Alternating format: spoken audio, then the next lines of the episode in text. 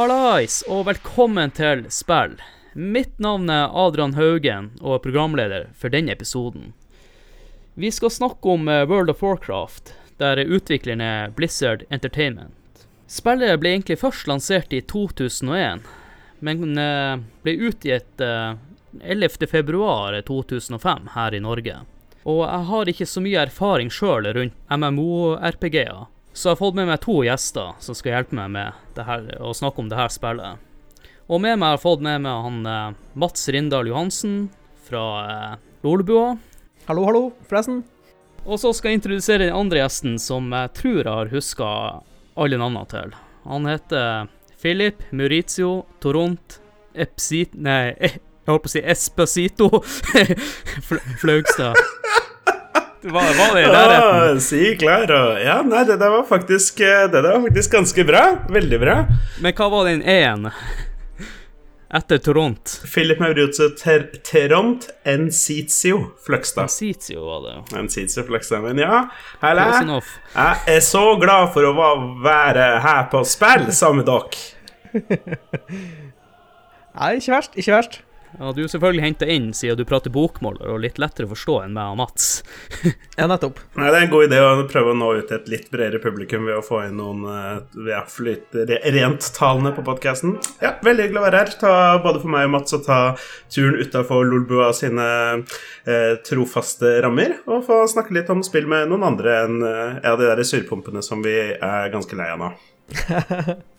Ja. Nei, takk for, eh, takk for invitasjonen. Nå tror jeg ikke akkurat jeg kan bidra så mye med det her spillet, men eh, det er jo der dere kommer inn. Vi kan lose oss i mål.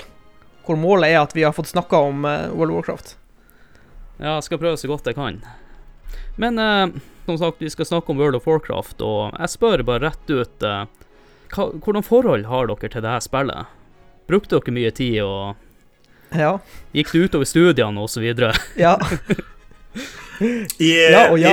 I, I spillet så kan du in game trykke ja, i chatterboksen, så kan du skrive slash played, og da får du opp antall dager, år, timer osv. du har spilt. Dager, timer, sekunder, whatever. Vet du hvor mye du har, Mats? Nei, ikke totalt. For jeg solgte Jeg solgte den første kontoen jeg spilte med, i Vanilla. For jeg skulle begynne på den andre faction. Mm. Så jeg, jeg vet ærlig talt ikke hvor mye tid jeg har totalt, men det er veldig, veldig, veldig, veldig, veldig mange dager totalt. Når du kan selge en konto, så sier de vel sitt. Ja, jeg kan begynne litt kjapt. Eh, Min intro til World of Warcraft. Jeg var ganske tidlig ute i MMO-sjangeren, faktisk. Eh, Allerede når jeg gikk på videregående, så begynte jeg å spille et lite spill som heter Everquest. Jeg vet ikke om dere har hørt om det? Jo, jeg har hørt om det. Everquest var liksom en, en av de første virkelige store MMO-ene eh, som slo gjennom. Jeg husker bare det var utrolig vanskelig å faktisk få tak i det. Eh, for jeg bodde jo i Harstad da. Jeg gikk på Heggen videregående skole. Så hadde jeg lyst til å begynne å spille Everquest, for jeg hadde lest om det på internettet. Og da kunne jeg ikke bare gå ned på GameStop eller bestille det på komplett. Så jeg fikk en kompis som var på, re på reise i Irland til å kjøpe det til meg. Han kjøpte fysisk kopi til meg når han var i Irland, og så tok han det med. Og så var det jo et styr med å få satt opp konto og sånn, men så klarte jeg å komme i gang etter hvert. Jeg regner jo med at jeg var på begynnelsen av 2000-tallet, slutten av 90-tallet. Tidlig i 2000-tallet, ja.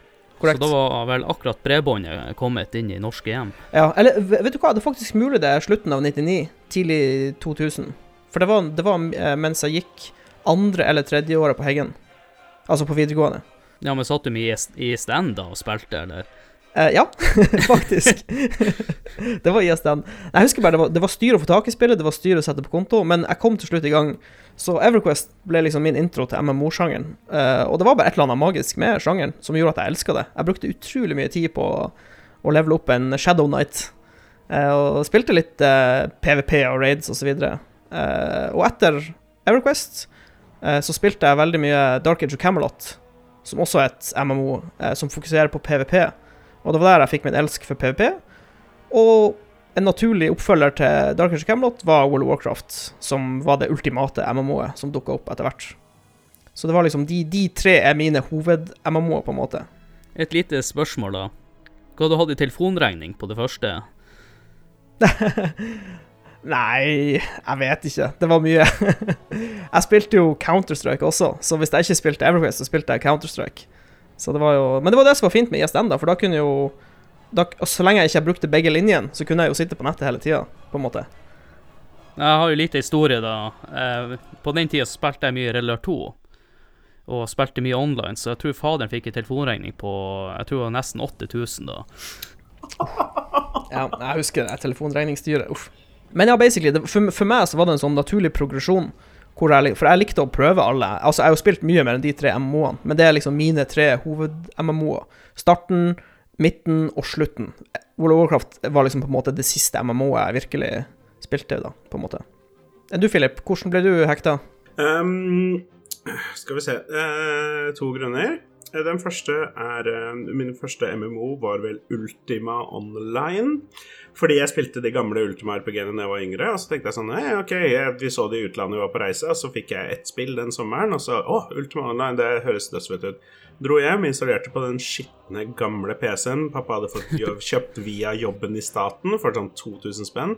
Um, installerte det, prøvde å kjøre dette på 56K-modemet, og det var jo en ganske jævlig spillopplevelse. Så det eh, var, var det egentlig noe jeg la bak meg ganske fort. Men så, for de som ikke kjenner til det, så er jeg eh, ikke selvutnevnt, men av an mange andre pekt på som Norges uh, største på en eller annet, et eller annet vis Final Fantasy 7-fan. Uh, så jeg har åpenbart da spilt alle Final Fantasyene, veldig glad i de. Og så kom Final Fantasy 11, som var et online-spill til PC. Og det måtte jeg spille, fordi det hadde navnet Final Fantasy i seg. Og der relaterer jeg veldig til Mats, fordi det var ikke mulig å få tak i det spillet. Jeg stressa så mye med det. Jeg måtte ringe rundt og høre og masse forskjellige butikker. Og så fant jeg en platekompanie i Fredrikstad. De hadde ett eksemplar. Så jeg fikk de til å holde av det, og tok toget ut i Fredrikstad, kjøpte Final Fantasy 11, og så toga tilbake igjen, da. Det spilte jeg en liten stund. Dette var jo når jeg gikk på videregående 02-03, tipper jeg. Eh, Det var ålreit nok. Men i motsetning til Mats så ble jeg overhodet ikke grepet av MMO-sjangeren. Jeg var egentlig mer misfornøyd med at det ikke var et mer klassisk Final Fantasy, selv om det var åpenbart ikke var det det skulle prøve på. Men så var det jo World of Warcraft, da. Um, jeg var eh, sivilarbeider i 2005 på en ungdomsklubb som hadde LAN, sånn 24 timers bla, bla, bla. Og så var det masse kids som drev og spilte World of Warcraft. Og så ble jeg sånn OK, hva er greia med World of Warcraft? Er det egentlig kult? Jeg har hørt så mye om det. Hva er greia? Så begynte han å liksom sette meg litt inn i det. Og Så bare sånn OK, jeg skjønner greia. Broren min hadde en konto eh, som han spilte på, og så logga jeg inn på den. Jeg fikk loggen hans og spilte litt en gang iblant, bare sånn for å teste det ut.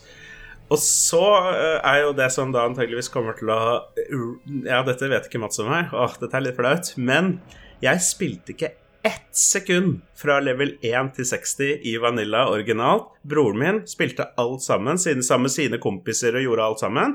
Han var PVP-er og sånn, og så logga jeg på en gang iblant og bare hoppa rundt. Og det var først da, på level 60, det som var maks level på den tida, at da ble jeg hekta.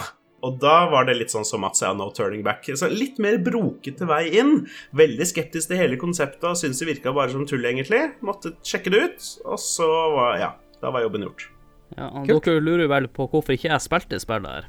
Jeg er jo Ja. litt sånn sær av meg til tider. Hvis ting blir overhypa og sånne ting, så er jeg litt sånn det eh, Jeg dropper det. Men jeg husker jeg så veldig mye sånne trailere før World, World of Warcraft, og de var jævla bra laga. Hvis dere husker de trailerne. Ja, de cinematicsene, ja. ja. altså, hvis Han orken, orken og han der eh, menneskefyren Nei, det, vent litt, var det, det var kanskje Warcraft. Nå blander jeg. ja, Jeg tenkte også på det med den infernalen og sånn. Fordi det... de slåss i en sånn gresseng, og så kommer det en meteor. Men det tror jeg er Warcraft 3, Rain of okay. Chaos. Når jeg ja, tenker meg om. ja, Ja, det kan godt hende. Men jeg husker før det var noen av de trailerne der, så egentlig så var jeg jo litt hyped i starten, men etter hvert så tror jeg ikke det fenga meg helt. Hele den åpningstraileren var dødskult. Det var, der, det var masse forskjellige fighter med magen som står oppå en sånn klippe og kaster fireballs ned, og en hunter. Det hele åpner med en hunter, og så får han bjørnen sin til å løpe bort, og så Ja, så det stemmer. Kjempebra ut til å være på den tida. Det, det kan jeg godt skjønne at var litt, eh, at var litt stilig. Og jeg hadde litt samme inngang som deg.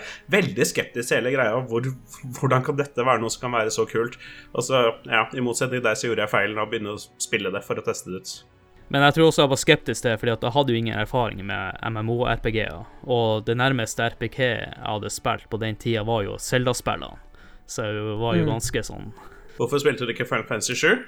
Fikk du ikke lov? Når du snakker om det spillet, jeg husker Oh, oh, dette er en slippery slope 40 minutter senere. Og så bare sånn Ja, World of Warcraft. Jeg hadde, jeg hadde PlayStation da, men jeg var litt sånn Nintendo-fanboy. I hvert fall i klassen så var det Zelda mot Final Fantasy. Og jeg syns de folkene så ut som en gjeng med tømmermenn, rett og slett, i grafikkmessig. Så det ble Det var egentlig bare ja, at jeg syntes det var crap grafikk. Jeg skjønte ikke Final Fantasy på den tida. Ok, Det var veldig hyggelig å bli invitert hit. Jeg håper dere får en Ja. fin episode. Men- så Men jeg har spilt Final Fantasy i ettertid og digger det. Veldig bra. Blitt frelst. Da tror jeg vi hadde en liten introduksjon av dere, så da tenker vi bare går over til hovedspalten.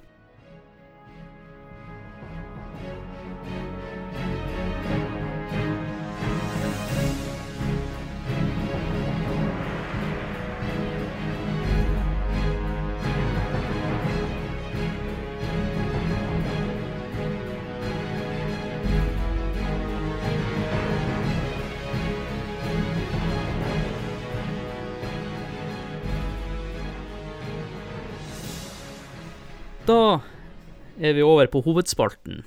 Og um, vi har hørt litt uh, historiene deres om hvordan dere kom inn i uh, WoW.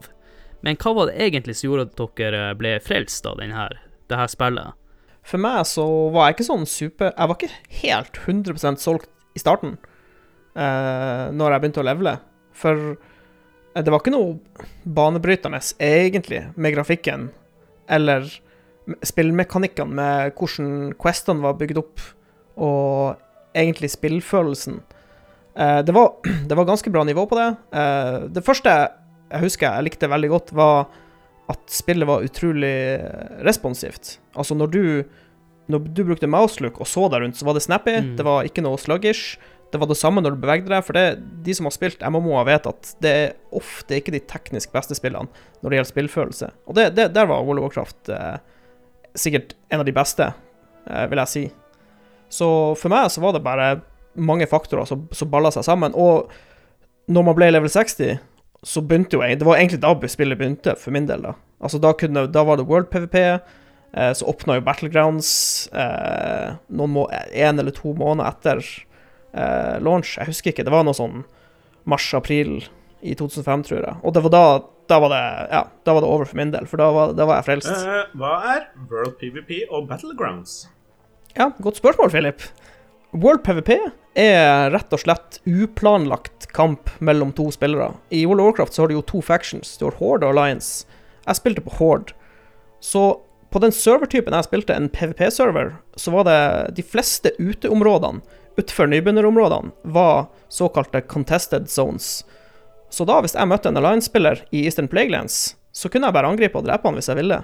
Og på PVP-serverne så var dette, dette var et gitt at du gjorde, fordi eh, når eh, de, Dette var ikke fra starten av eh, World of Craft, men eh, noen patcher etter så fikk du honor ved å drepe fiendespillere. Og de, de lagde et helt honor-system hvor du kunne rangere deg opp eh, og få titler ved å drepe nok fiendespillere. Da flyter over hodet ditt når du løper rundt, så Ja. High Warlord eh, og så ja, visuell penisforlenger. det, det, var, de, Ja. det var en gigantisk penisforlenger, og det gikk fra rank 1 til 14. Eh, og du måtte investere x antall timer for å nå disse rankene. Nå nå går jeg litt sånn foran Ja programmet her, da. Men, men basically Levelinga imponerte meg ikke så mye, men når jeg ble level 60, og PVP-en og dungeons, alt det begynte å smelte sammen, da forsto jeg at dette spillet kommer jeg til å holde på med ganske Jeg lenge. har litt lyst til å være det. ikke slippe helt tak i den PVP-biten. Var Veldig kjapt før Battlegrounds-biten. Det er eh, på et kart. Enkelt og greit. 10 mot 10, 15 mot 15 eller 40 mot Ja, 40. beklager, jeg glemte å nevne de. eh, enkelt og greit, jeg har Horde mot Alliance, står jeg på det ene laget, og så er det like mange på de andre. Det er mer organisert, enkelt og greit. Det er visse mål du skal nå og sånne ting.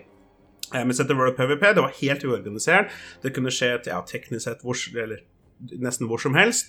Og det gjorde, eller sørga for mye av det som jeg syns var kult med spillet. Jeg tenkte ikke på dette med spillmekanikker og sånn i hele tatt. Overhodet ikke viktig for meg. Det, det er noe av denne kulturen som vokste frem i spillet, og de samfunnene og det samholdet. Og det, det kan, vi kommer til å komme inn på det, men fordi hvis jeg og, guild, jeg og Mats er i samme guild, eller organisasjon, som det heter i World of Warcraft, og Mats blir ganka, som det da kalles, altså det kommer noen og dreper han mens Mats bare er ute og er fredelig, Plukke ja, plukke blomster, for eksempel. For det, det er noe man kan gjøre, selvfølgelig.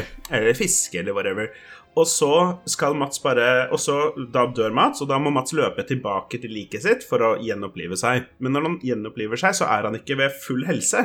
Så hvis han andre som drepte Mats første gang, er der fortsatt, så kan han bare drepe Mats en gang til. Og så kan han fortsette helt til Mats må logge av.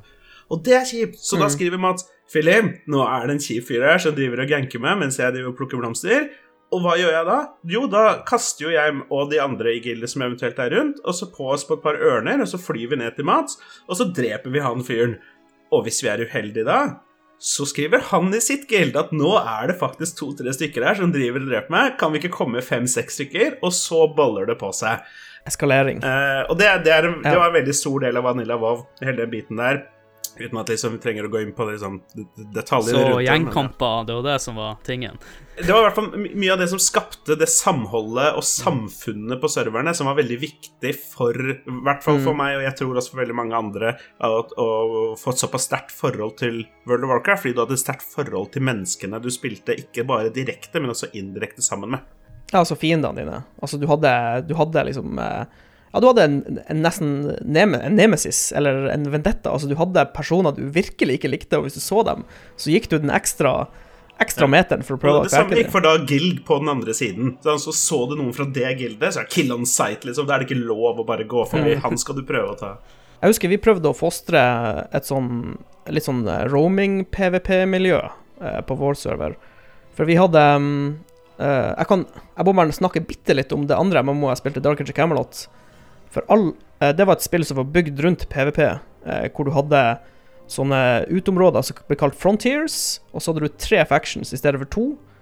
Eh, og så var hele, hele poenget med det spillet var at du lagde ei gruppe, og så sprang du rundt i frontieren med gruppa di, og så leita du etter andre grupper for å slåss med. Men siden det var tre factions, så var det veldig lite Altså, det var ikke eh, Ofte så endte det med at ei gruppe begynte å slåss med ei anna gruppe, og så kommer det ei tredje gruppe og adder på. Så vi hadde lyst til å prøve å lage det i World of Warcraft. At du for rundt ei gruppe i en sone, og så leita du etter ei anna gruppe på annen, den andre faction, og prøvde å, å få en sånn eh, spontan kamp eh, ut av det. da Men det, det skjedde liksom aldri helt i, i World of Warcraft pga. Eh, sikkert battlegrounds, og at folk hadde ikke tid til å bare springe rundt på en måte og lete etter kamper. Men, men det, det dukka, de dukka mer når, eh, organisk. Ja, da, opp. jeg så akkurat det ordet Eh, jeg skulle skulle til å bruke, organisk. Det bare skjedde av seg selv. skjedde av seg selv. For eksempel, eh, man skulle dra til Blackrock Mountain for enten dra i en dungeon eller til Molten Core, så var det jo plutselig masse PVP av det. Så sånn sett er nok World of Warcraft et bedre PV-spill, vil jeg si, siden det var så naturlig. Bare for å liksom for, igjen sette konteksten for det Mats sender der. Blackrock Mountain er et stort fjell i World of Warcraft, og der er det et par dungeons og raids hvor du må inn i en gruppe på 5 eller 40 stykker og slåss mot større fiender. Ja, i gamle UBRS var det jo 10 og 15 osv., men ja, uansett.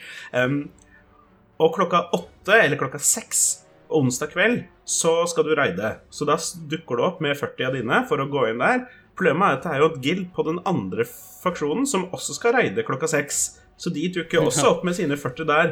Og da, siden man er PVE, altså Player versus Environment, så prøver man jo ikke å slåss for mye, men det er veldig fristende å sende av gårde bare en lite, liten fireball eller sånt, og så har man det gående, da. Ja, spesielt hvis du ser at det er en litt sånn ufullstendig gruppe som står og venter, eller et eller annet, og du tenker OK, de er 20, vi er 40, da, da drepte du dem. Det er ikke noe å tenke på, liksom. Så det, det er mye sånn. eh, Og det, det er sånne ting man husker, rett og slett. Det er liksom Det lager Ja, det, minner. det, de, det er de organiske tingene rundt områder. Ikke bare som det, men rundt områder hvor det var vanlig å levele mellom ditt og datt, hvor det var vanlig å plukke blomster osv. Det ja. Men det, det jeg syns virker positivt med det Mitt første sånn MMO-greier, det er jo kanskje ikke MMO, det er jo Division.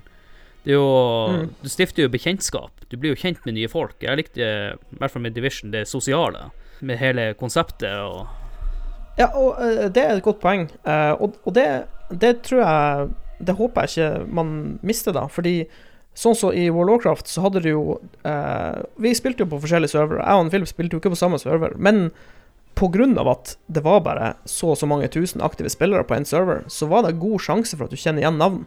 Det har du kanskje til en viss grad i moderne spill også, fordi eh, når du eh, joiner et game i Division eller Destiny, eller uansett annet moderne så jeg tror jeg det er en viss form for uh, geomatching. Uh, for jeg føler i hvert fall at når jeg joiner sånne spill, så er det veldig mye uh, niks fra uh, Norge, Sverige, Danmark, Finland. Så jeg, jeg, vet ikke om det er noe sånn en slags effekt som Ikke for skjer de som slipper World of Warcraft, men føler du de er noe Kjenner du igjen nikkene, eller kjenner du igjen at de er fra Norge, Sverige, Danmark osv.? Jeg vet bare at uh, i World of Warcraft, på de serverne vi spilte på, så var det litt lettere å, å huske igjen folk, på en måte. Jeg føler det er verre i moderne spill, men jeg håper at kanskje man kunne fått tilbake det på et vis. Jeg vet ikke hvordan man skulle, skulle ordna det. Men det er i hvert fall Ja, det var noe som var litt magisk med, med det. En annen ting vi ikke har nevnt, det er jo at eh, World of Warcraft var vel kanskje en av de første spillene du måtte betale et månedsabonnement på. Det var vel ganske nytt på den tida. Ja. Uh, eller det, det var veldig vanlig for MMO-er å ha månedsabonnement. Altså Everquest måtte Final du betale det, månedsabonnement. Ja, Og det er hovedsakelig Jeg tror det hovedsakelig var fordi MMO-servere var kompliserte greier. Uh, det var mye trafikk. Så jeg tror de pengene hovedsakelig gikk for å drifte nettverk og utvik altså videre utvikling av spillet. Det det er jo levende spill. Det kommer jo oppdatering hele tida, så Jeg føler at MMO-sjangeren eh, på en måte starta med, med abonnement. Ja, En annen ting jeg beit meg merke som, Jeg, jeg blir å kjøre litt sånn uh, referanser til Division, siden det er type spill jeg kjenner som er nærmest uh, WoW Ja. på en måte. Og det jeg syns var spesielt, at dere nevner at spillet ble bra i endgame-fasen. Sånn som i Division, så føler jeg at uh, spillet sliter etter endgame-fasen. Ja. Så her må, måtte jo de ha gjort mye rett, da. Det handler, det om å komme til maks level, for da begynte spillet. Ok, det som var, igjen, Jeg spilte jo ikke levelinga, så jeg skal jo kanskje holde litt kjeft her. Men, men igjen da, det, som, det som gjorde at jeg blei så hekta på World of Warcraft, for å ta, ta liksom min bit, er at jeg spilte da på max level, på level 60, og så ble jeg, begynte jeg å bli kjent med folk som jeg ikke kjente fra før. Jeg gjorde en dungeon, og så sa han ene Wow, du er litt eller liksom, Ikke wow, da, men han sa du er litt flink. Eh, og så sa jeg tusen takk, og så sa han at Og så tok vi en dungeon til, kanskje, og så fant noen andre. Og så stemte han noe med at Øy, har du raida før? Og så bare sånn Nei, det har jeg ikke. Og så bare sånn Nei, hvis du har lyst til å prøve det, så si ifra til meg, så kanskje jeg kan få deg en try eller gildet mitt. Sånn, så bare Å, hei. Liksom, er det noen som er bare interessert i at jeg skal bare bli med på laget deres hvis jeg er flink nok, og så sånne ting? Altså, jeg takka ja til det, og jeg var så nervøs før min første trial med dette gildet, og jeg hadde lest meg opp på det jeg kunne på begrensa ressursene som fantes på den tida, og alt mulig. Og jeg var så nervøs og gjorde det helt greit nok og var på teamspeak og alt mulig, og, og det, det tok meg. Det at liksom, det var så mange mennesker som kom sammen for å klare noe sammen, og at liksom folk kjente hverandre, og de slo vitser, og liksom hele den biten der. Og det er noe som Vi kan snakke mer om det, det sosiale og sånn etter hvert, men det er noe som skjer i endgamet, som ikke skjer i level- levelinga på samme måte. Fordi, la oss si jeg og Mats begynner samtidig, og Mats spiller et par timer ekstra en kveld, så har han levela fra meg, og da plutselig kan ikke vi gjøre de samme dungeon lenger. Det er ikke så ille, men satt på spissen. Og du får ikke Ja, den type opplevelser har du ikke under levelinga, med mindre det er med folk som du kjenner fra før, da. Til en viss grad. Eller, jeg vet ikke. Mats? Nei, jeg er enig. Altså, absolutt eh, så vil jeg si at World of Warcraft er motsatt av Division, hvor level-opplevelsen er helt OK, men endgame, PVP, dungeons, raids det, det, det virker som spillet er lagd rundt det, på en måte. Det er da det starter. Absolutt. Og, og i hvert fall det som er ganske vanlig når, når vi levela opp, var at du gjorde Altså, de uh, dungeonene du hadde tilgjengelig når du levela opp, uh, Wailing Caverns og alle de lavlevel-dungeonene, de gjør du bare stort sett én gang når du leveler, for du får noen quester der, og så drar du dit, og så gjør du den, og så får du gjort questene, og da har du fått det du vil ha. Og så leveler du opp videre, da. Og så da er du jo for høyt level til å gå tilbake og gjøre de. Men når du er level 60, maks i Vanilla, så gjør du jo en dungeon til du får det itemet du vil ha, eller ja, en mount, eller hva enn det måtte være. Eh, sånn semikjapp anekdote. Uh, det er masse dungeons i dette spillet, som Mats nevner. Når du leveler opp, så går du gjennom noen, og så leveler du ut av de. Um, jeg hadde en, Det er en dungeon, helt random dungeon, som heter Sulfarak. Jeg tror det var en sånn level 50-dungeon cirka, og makslevel var jo 60. Og av en eller annen grunn, jeg elska den dungeonen. Jeg syns den var så kul. Jeg synes den var så Hele greia bare syns jeg var kjempeflott. Og etter hvert som jeg da var level 60, jeg raida, fikk masse gear og sånne ting eh, Masse gear. Eh, så når jeg kjeda meg så var det noen da i Slash 4, altså Looking for Group-kanalen, som trengte en DPS da til uh, Sulfarak, og så slengte jeg meg med, og så sier de ja, men uh, du er level 60. Jeg bare ja, ja, det går bra. Og så løper jeg gjennom dette eksepsjonelt overpowered bare fordi at det var gøy. Og så etter en liten stund så ble jeg kjent som han fyren som av en eller annen grunn hjalp folk gjennom Sulfarak. Og det, det bare skjedde organisk, og det var veldig artig. Ja, det er jo faktisk et uh, Det er jo ikke akkurat uh, det du gjorde, da, men det, det, er jo et miljø i World of Warcraft som gjør gam, gammelt innhold uh, for å få drops, sånn at de kan For det er et system i World of Warcraft transmog, transmogrification, hvor du kan ta utseende fra ett item og gi det til et annet. Så jeg kan dra til en gammel dungeon og få ei øks fra en drage som, inge, som ikke er aktuell lenger, og så kan jeg ta det skinnet fra den øksa og sette det på det, våpen, det nye våpenet jeg har nå, da. For du kan ikke kjøpe det skinnet, og du kan ikke få det på noen Nei. annen måte. Og det, du må drepe ja, bossen. Og, det, og du får det ikke automatisk. Det har en viss prosentsjanse for å droppe. Så hvis jeg ser at Mats mm. har et våpen som ser sånn ut, så vet jeg at han enten har hatt sjukt flaks, eller gjort den jævla bossen hver uke til han endelig, endelig fikk dette våpenet. Og dette er big business, liksom. Det er, jeg kjenner mange fra mine raid-tider som hadde alt sånne alt-karakterer som de hadde da saves på. Eh, for La oss si det er boss nummer sju du trenger å drepe for å få dette våpenet eller mountain, hva du skulle ønske deg. Og så hadde han da gjort hele dungeonen, eller rida, opp til level 7 alene. Og så solgte han da for gull at folk kunne kjøpe hans save. Så kunne de gå inn og prøve å ta bossen direkte uten å måtte gjøre alt det før og sånne ting.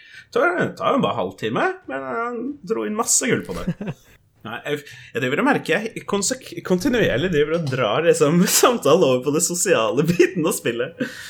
Det, det, er så mange sånne aspekter og detaljer og mm. greier. Så, så det er ja, det, nesten utømmelig. Ja, det, definitivt. Det, det, er så mye det spillet. Det er så, det er så mye du kunne gjøre og henge det opp i. Du kunne liksom du kunne sikkert spille tusen, tusenvis av timer med største interesse på fishing, men for meg så var det liksom det som gjorde at jeg antageligvis også kom Ikke nødvendigvis kom til jo, jeg, tenker meg om litt. Lang historie kort. Jeg spilte masse Vanilla, altfor mye. Eh, altså Classic World of Warcraft. Eh, og når den neste utvidelsespakka kom ut, så slutta jeg å spille. Burning Crusade. Så kom Rat of the Litch King ut. Da spilte jeg heller ikke, som var veldig synd, for den var veldig god. Eh, så kom Cataclysm ut. Og neste utvidelsespakka, da begynte jeg å spille igjen helt på slutten, bare for moro skyld. Så sjekk ut hvordan det er. Men grunnen til at jeg da fortsatte å spilte og igjen etter hvert ble dratt inn i riding og sånne ting, det er igjen den sosiale biten. Og det er, det er, det er virkelig ikke én, to, men kanskje til og med tre pilarer i liksom min World of Warcraft-interesse. Jeg har spilt um, vi, vi, kan jo snakke litt kort om det. Jeg spilte sinnssykt mye Vanilla.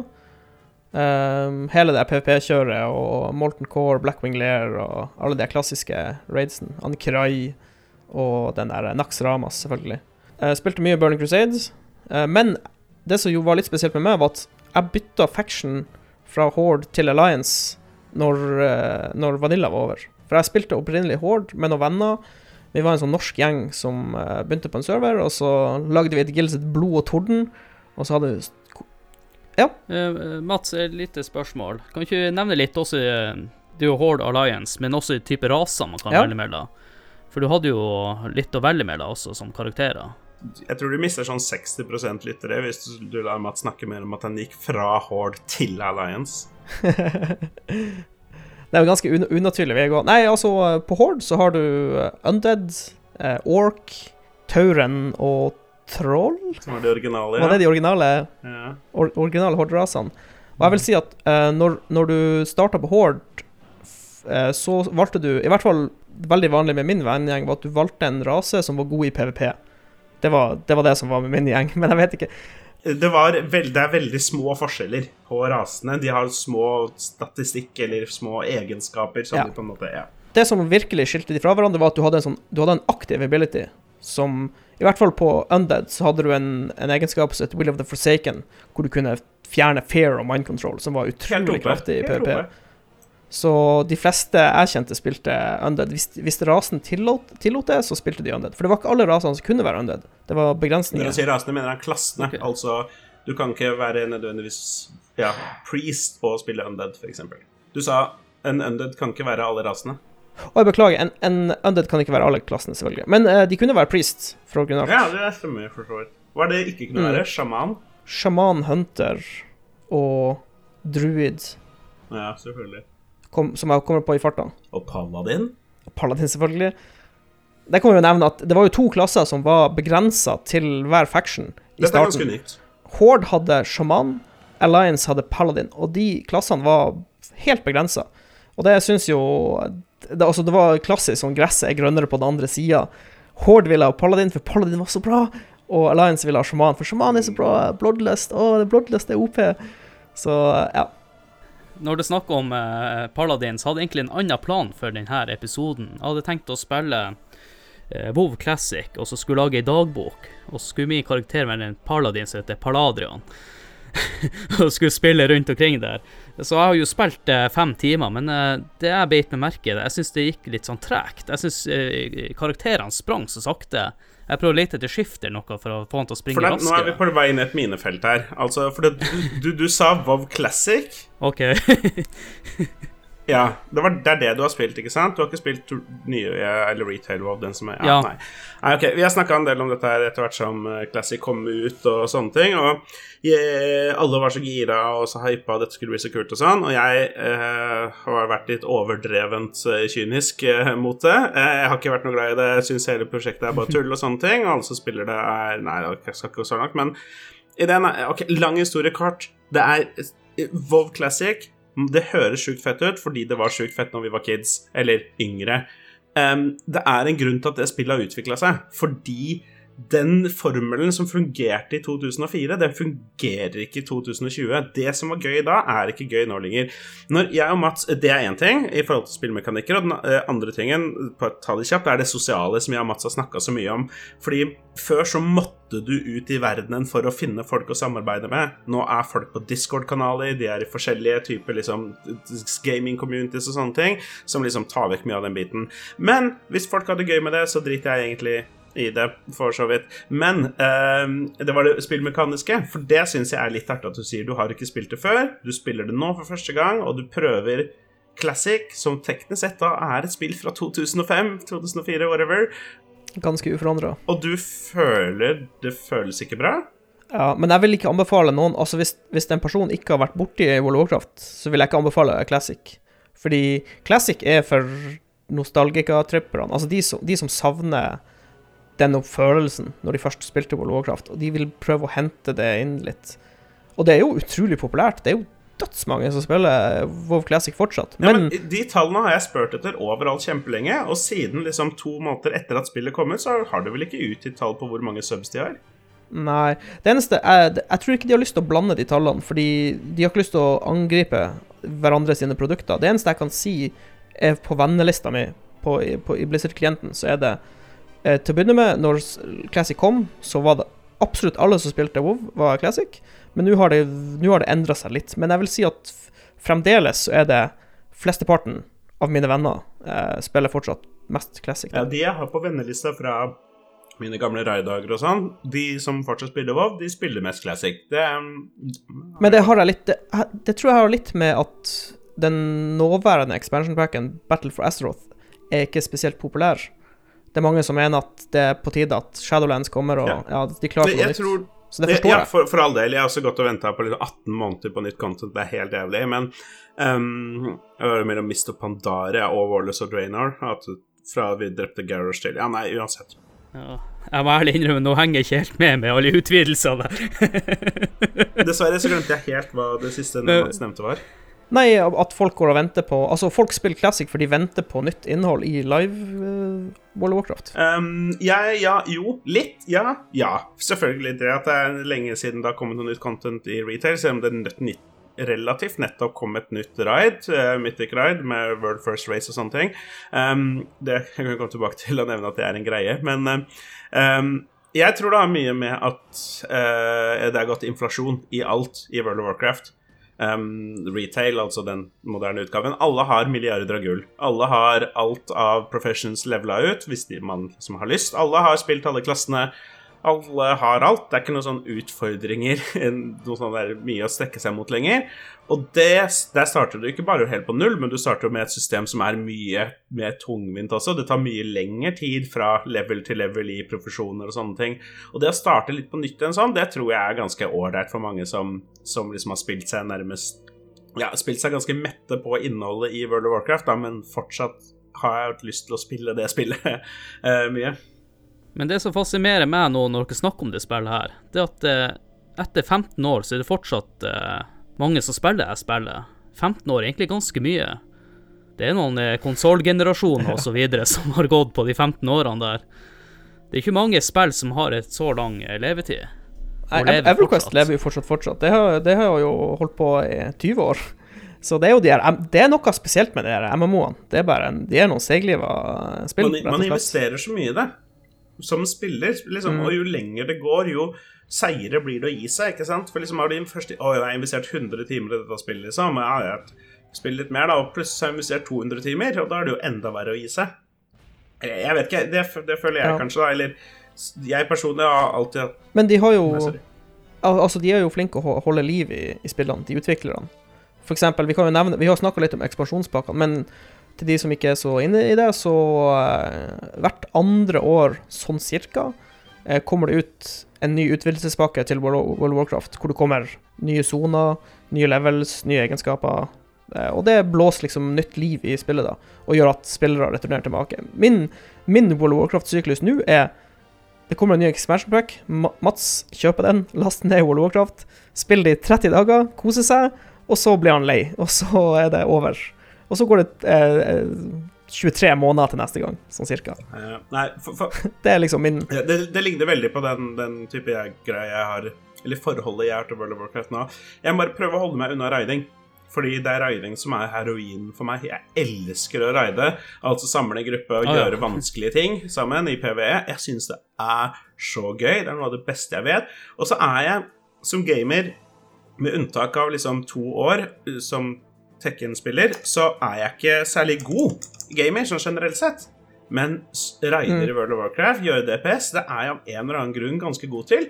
Og da er det jo ekstra gøy. Uh, men igjen, jeg, jeg, har prøvd å raide casual, bare litt. Men det, det, går ikke for meg, så da må jeg all out. Så da blir det litt sånn som Mats. Jeg kjøper en expansion fordi jeg er spent på å se hva de har fått til. Og så spiller jeg, leveler jeg opp til maks level.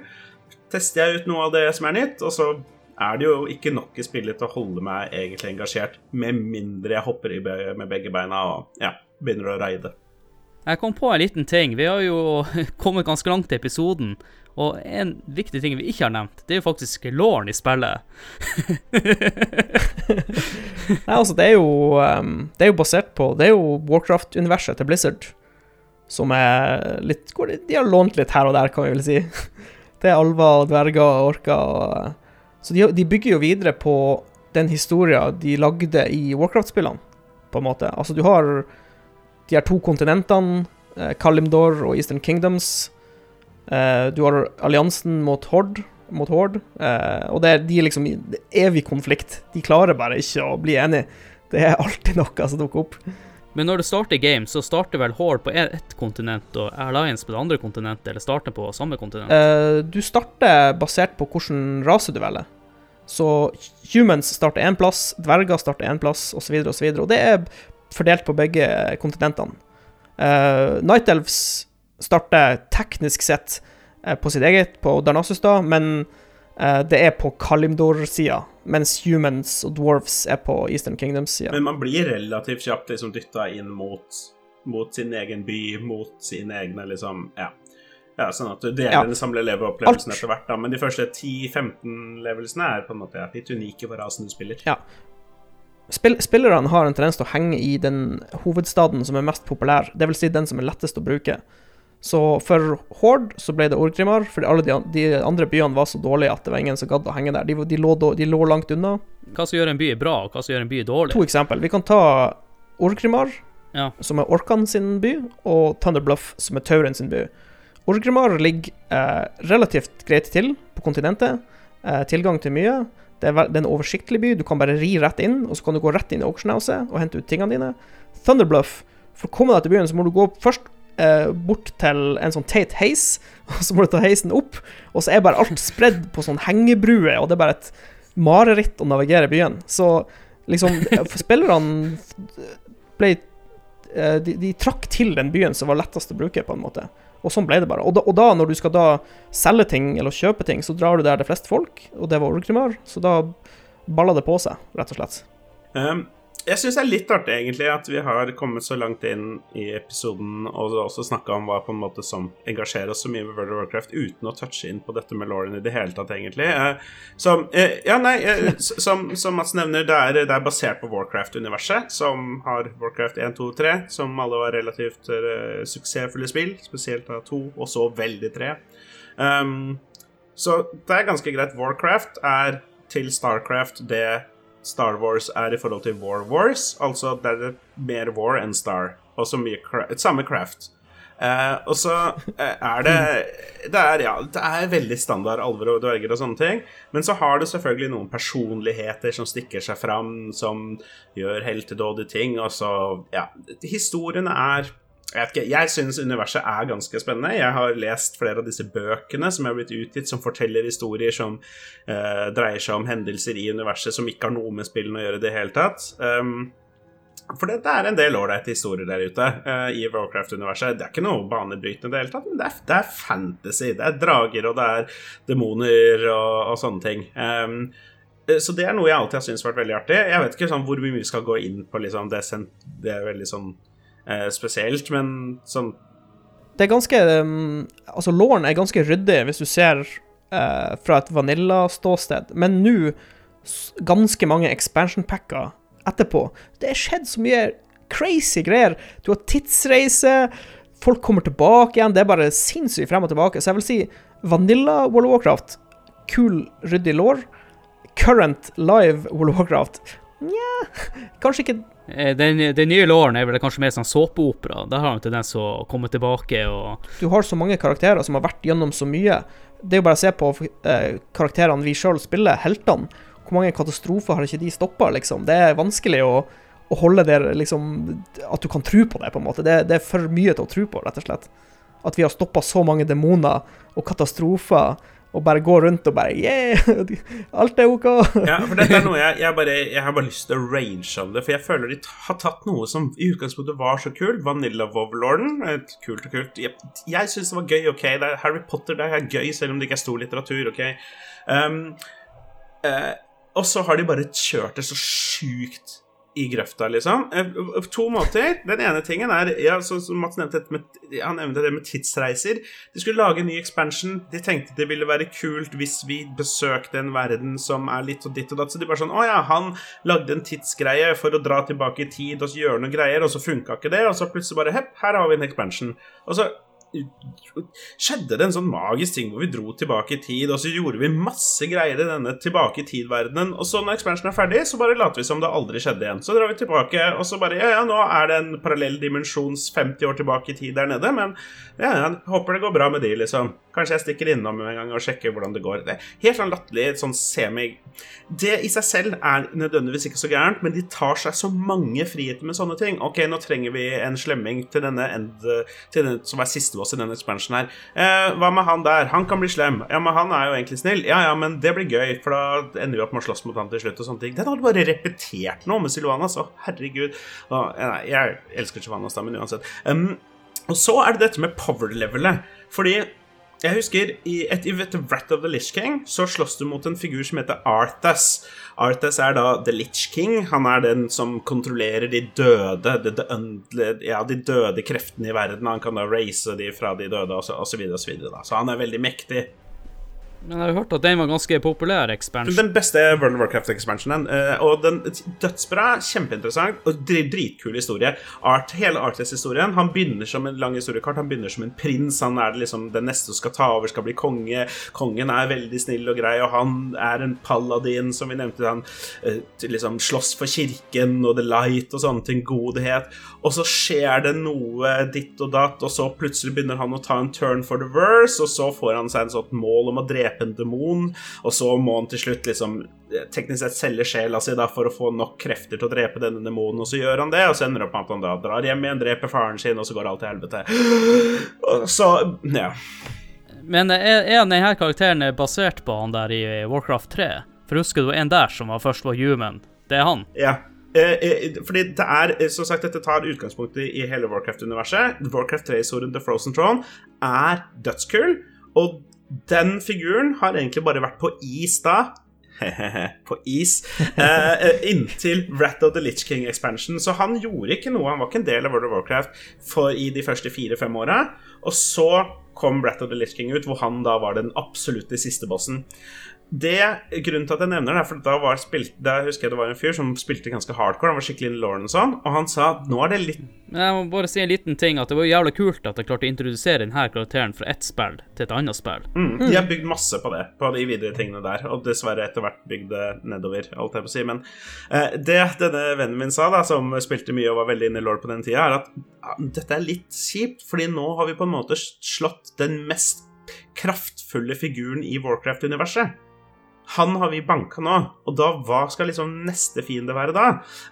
Han, det var for så vidt ikke helt rett det han sa da, i forhold til liksom law, men poenget er at etter hvert så har vi bare liksom banka større og større fiender. Old God, som er en sånn der uns- powerful kraft fra the other realm, bla, bla, bla greier. Jeg skal ikke Ja, Sargeras. ja, ja, ikke sant? Så det er utrolig kraftfulle ting som vi, vi burde bare løpe i frykt. De klarer vi liksom å slå på en eller annen måte. Ja, og nå sist, i slutten av Battle for Azeroth en, Nei.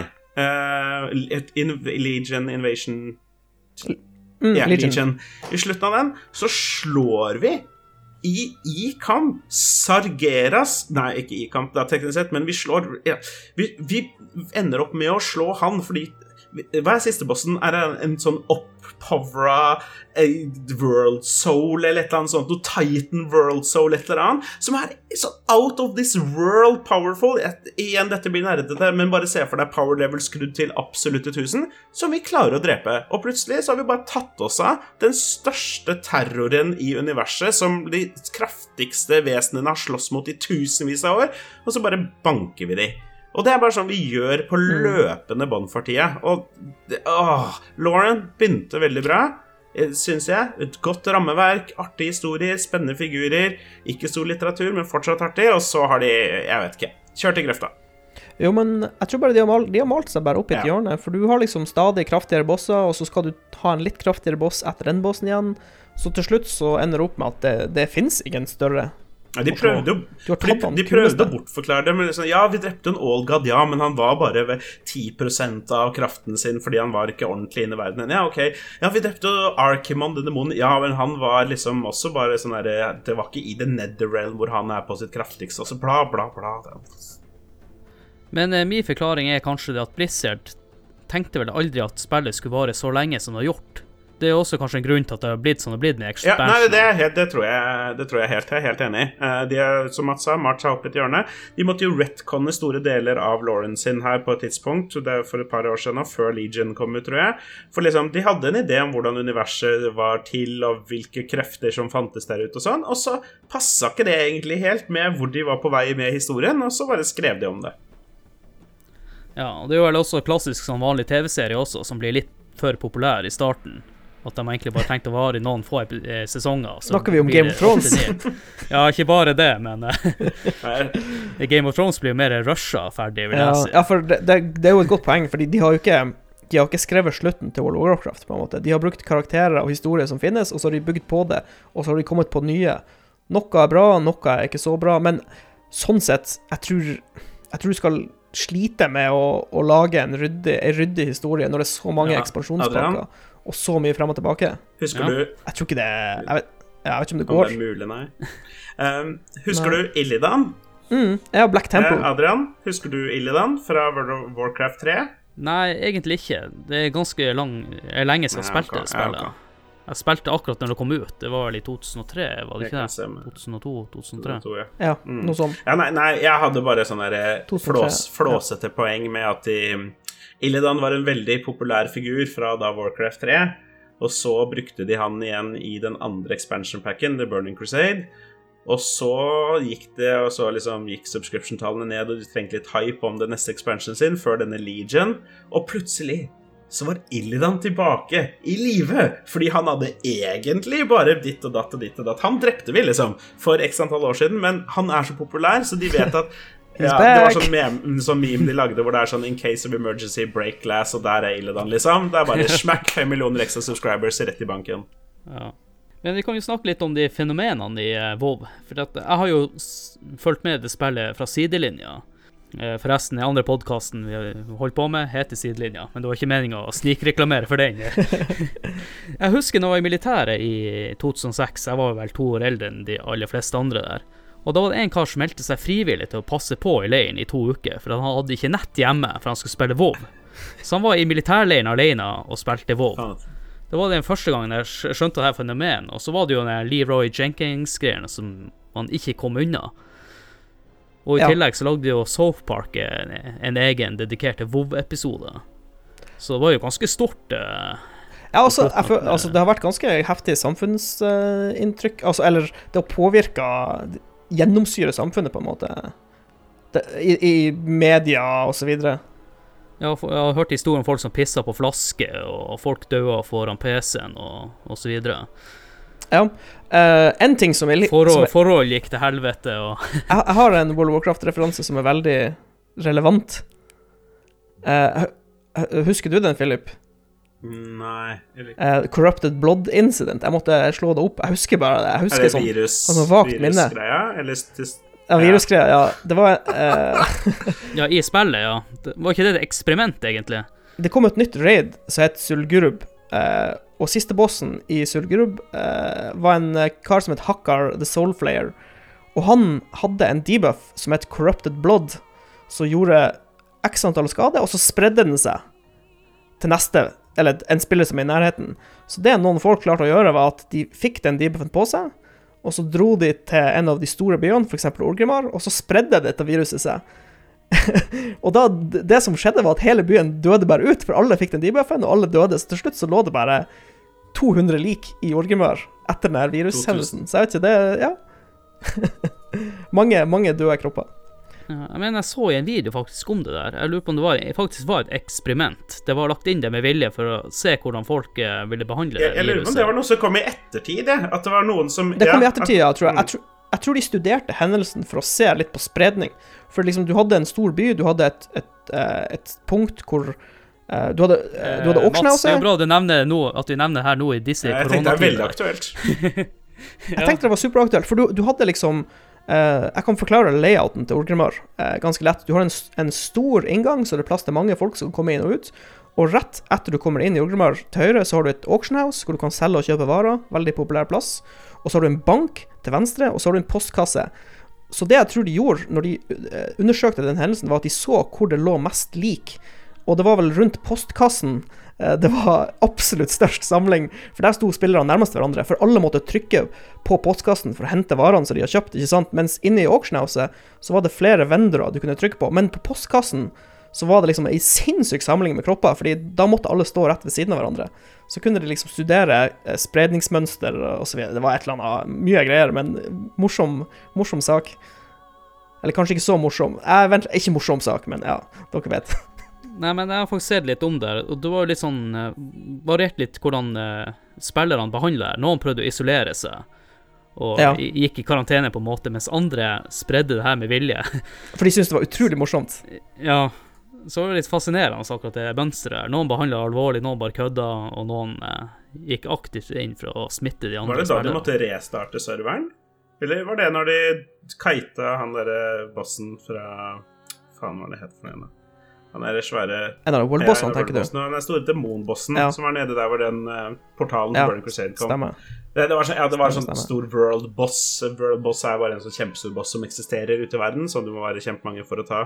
Og så var det noen som da klarte å kite, dvs. Si å få han til å jage deg uh, helt til en av disse byene, da, på en måte, og da trengte du nesten bare være i nærheten, og så ja, begynte han å drepe deg. Og han var ja, nærmest umulig å slå, med mindre du var veldig organisert. Jeg lurer på, da, Det var kanskje da du måtte bare resette hele greia.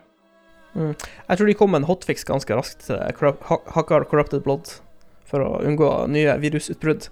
Eh, Du nevnte det så vidt, men det er, sånt, det er kanskje en av de største skuffelsene i hele verden den dagen jeg forsto at Leroy Jenkins-greia ikke er ekte. At det er fake, at det er staged. Da var jeg så skuffa. For det er Å ja, jeg visste ikke det før nå du sa Nei. sjukt artig greie, sjukt artig video. Jeg digger hele greia, men eh, herregud, det er liksom Nei, jeg syns det er veldig skuffende at det ikke er ekte. For jeg føler at det der kunne vært ekte. Den ekte i hjertet vårt. Ja, men det fascinerende for meg som ikke var eh, spilte spillet Jeg syns det var morsomt. Jeg, jeg forsto det på en måte også. Ja. Det greiene der med at han bare rusha inn mens de var stått planlagt der i en halvtime sikkert, og Ja, det, en, det eneste som var litt rart for meg, det tror jeg så den videoen før jeg spilte den dungeonen, etter UBRS, Upper Blackrock Spire.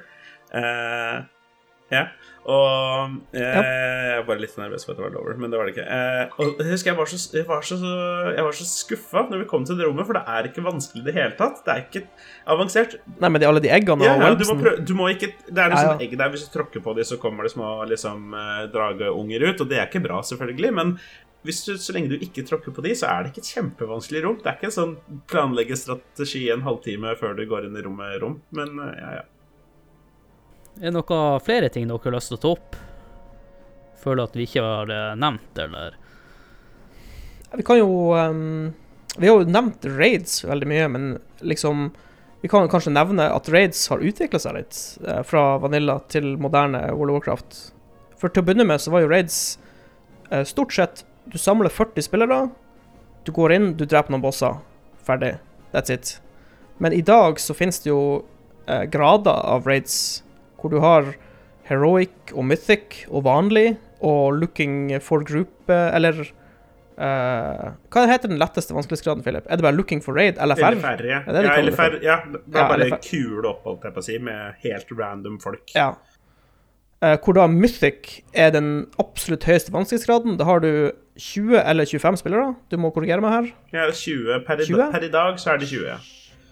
Ja. 20 spillere. Ja. Eh, og så er bossen justert veldig tight etter disse 20 spillerne. Så du må ha 20 flinke spillere, spesielt siste bossen. Siste bossen er ofte hakket, ganske mange hakk vanskeligere enn de andre foregående bossene. da, Sånn at du står liksom og stanger litt på siste bossen før du klarer å ta han.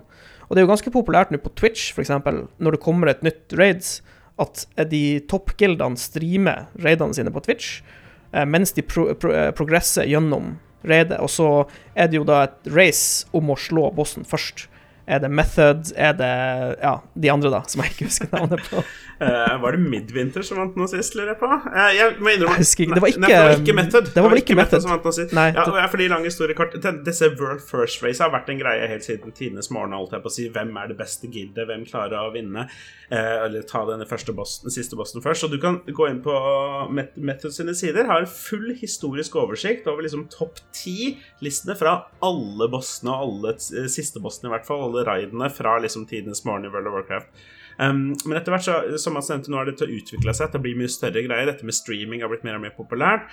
Men disse gildene vil jo ikke streame når de prøver å ta bossen, for da kan andre se deres taktikker og prøve å kopiere de. Men etter hvert så bare, var den, de bare hoppa ut med begge føttene og fikk det samarbeidet med Red Bull. Det var Method, dette gildet, som gjorde det. Det er en av de Det, det by far mest suksessfulle gildet i World of Warcraft-historien. Um, og fikk de en da svær greie hvor de stilte opp en sånn arena i England et sted, og så spilte de da liksom kjempe i x antall timer mens de progressa, mens de kom seg da videre i dette raidet, og så hadde de samarbeid med andre guild for å få inn deres greier og sånne ting, og det ble en kjempesuksess. Masse seere, masse penger generert, og, og full rulle. Uh, men ja, så det er en Før var det sånn derre Å, har du hørt at dette gildet kanskje klarer det? Og nå er det bare Ja, fullt kjør. Ja, også, det har jo Det har jo eh, endra litt på hvor, eh, hvordan faction-balansen er på Raiders. For når du, når du spiller Når du raider på det absolutt øverste nivå, så tar du alle fordelene du kan få.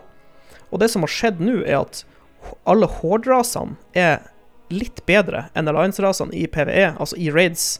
Så de fleste raiderne som har lyst å, å spille på det absolutt øverste nivået, er nødt til å bytte til Horde, fordi alle de, de gode raiding-gildene er Horde. Fordi det, det er der de beste abilitiesene er. Så det blitt en sånn bisarr situasjon hvor hvis du ser på topp 20 guilds i uansett, så er 19 av 20 Horde-guilds. Fordi det er der raiderne er. Så det, det er en veldig sånn merkelig situasjon akkurat nå. helt nå. I, Ganske unødvendig, unødvendig egentlig. Det er, ja, det er ikke balansert mellom fraksjonene. Den ene er at hvis du skal spille på det høyeste nivået, så får du noen fordeler med det. Shout-out til alle mine felles mage-spillere der ute som ble tvunget til å spille troll. Øh, måtte spille stygge troll når det finnes blood elves der ute, som er de mest sexy av de alle sammen. Uh, men ja, nei, fordi det hadde en bitte liten fordel å være troll over å være blood elf, og den bitte lille fordelen kunne pushe litt mer DPS, damage per second, ut av meg, og da måtte jeg gjøre det. Ja, det, er- det er vel kanskje sto, store problemer med de her spillene, for det, det er alltid noe som blir meta. Og Mm. da blir det den type fraksjon, eller eh, hva du velger, at du bare kan være én, ja, som dere nevnte nå. det må jo være en utrolig lett ting å fikse for Blizzard. Det er jo bare å lage et Excel-regneark, og så legge det inn det, det de vet, og så ser de, og du får et tall som er høyere på Horde.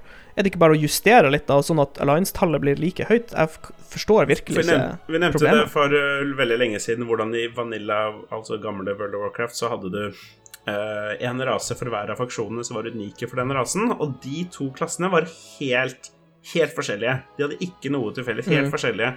Og det er en tanke jeg, jeg skjønner tanken, det er en veldig kul tanke. Og så lenge de to faktisk er balanserte, så er det jo greit nok, holdt jeg på å si. Men, men i dag så er det ikke noe sånt unikt. Men det er fortsatt ikke balanse mellom fraksjonene når det kommer til disse tallene, og det ja, er kanskje litt unødvendig. Jeg vet ikke. Det, jeg, jeg spiller hard uansett, så fuck it. De henger fast i den asymmetriske greia. Virkelig. Det, det som er litt morsomt nå, er Jeg begynte på Horde. Eh, spilte Horde i Vanilla, og så bytta jeg til Alliance for å spille i et norsk guild som heter The X-Men. For de fikk litt sånn legendestatus på min server, og alle var sånn gigantisk norsk guild. Så jeg bytta til Alliance for å spille i The X-Men. Så spilte jeg med dem helt Altså, jeg har vært med siden. Men de har nå bytta Horde til Horde for å, raide, for å få tak i nye raidere, fordi de sliter. De klarer ikke å finne raidere på Alliance, så de måtte rett og slett bytte til Horde. Så det er sånn skikkelig berg-og-dal-bane. bare for å ta det kjapt. eh, Jeg spilte aldri Daxman, men jeg visste veldig godt hvem de var. Alle som drev med PVE, visste hvem Daxman var. Jeg- Daxman hadde det raskeste clearet av Molten Core i verden. Altså den raskeste til å liksom komme inn, og så til siste bossen. Og det var noe alle visste. Alle visste det, for alle gjorde Molten Core hver uke, eller fram til vi ikke gadd mer, men ja, alle visste at å, Daxman gjør det kjempefort. Um, uh, jeg spilte også med Norsk Gilde en liten stund, som het Nifleheim. Uh, Shout-out til hvis det er noen som fortsatt eksisterer derfra, holdt jeg på å si. Eh, det var en veldig artig greie, for da kom jeg, jeg kom inn via en kompis som spilte der. Og for å så var det jo en tryout, holdt jeg på å si, for å få bli med. Og det var å møte opp på en bar i Oslo, hvor de samles eh, hver en gang i måneden i hvert fall. Og så drakk de øl og koste seg og sånne ting, da. Og så slang jeg meg med der en kveld, og så syntes de jeg var en hyggelig fyr, og så fikk jeg invite til gildet. Ja, men det er jo litt kult, da. Det er jo litt sosialt at spillinga At du ikke bare prater online, men at du også kan møte dem i virkelige liv.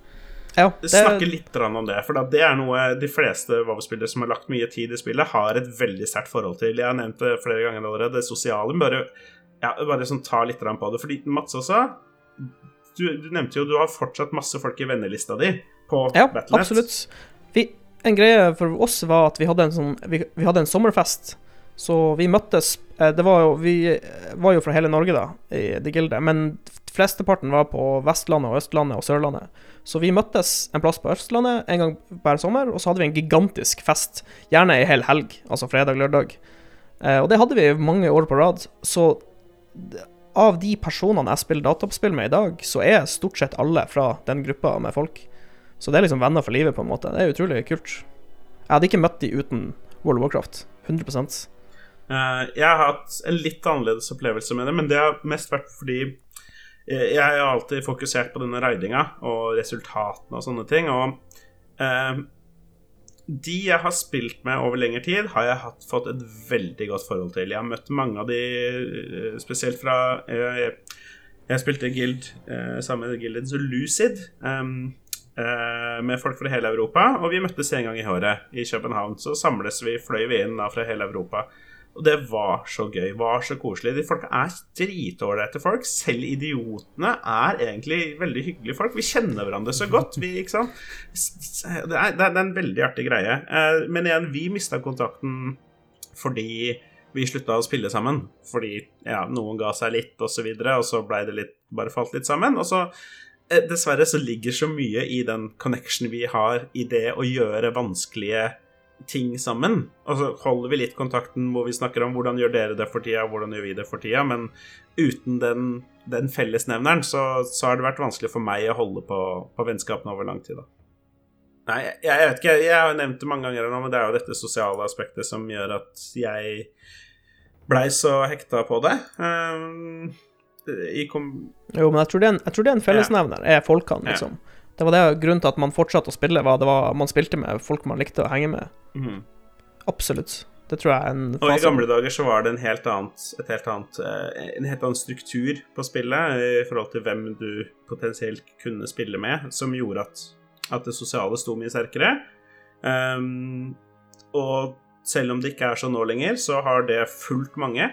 Uh, man har vært i samme gruppe i veldig lang tid, og det, det holder man ved. Uh, det er um, Jeg vet ikke Jeg vet ikke. Jeg, jeg tror det er der World of Warcraft er på sitt mest unike. Ikke nødvendigvis på alle de spillmekaniske områdene og sånne ting, hva det leverer, hvordan det ser ut, hva, hvilken historie det forteller, men og Jeg skjønner ikke helt hvorfor det skal være unikt for World of Warcraft heller, og det er helt sikkert ikke det, men det, er, det har skapt så mange historier, da. Det har skapt så mange eh, gifte, giftepar, det er barn, det har skapt det, det, De gamle, gamle guild-leaderne mine nå fikk barn for, for, et halvt år siden. Det søteste baby noensinne. Han fra Danmark og hun fra Norge. Og det er så nydelig, og det er ja.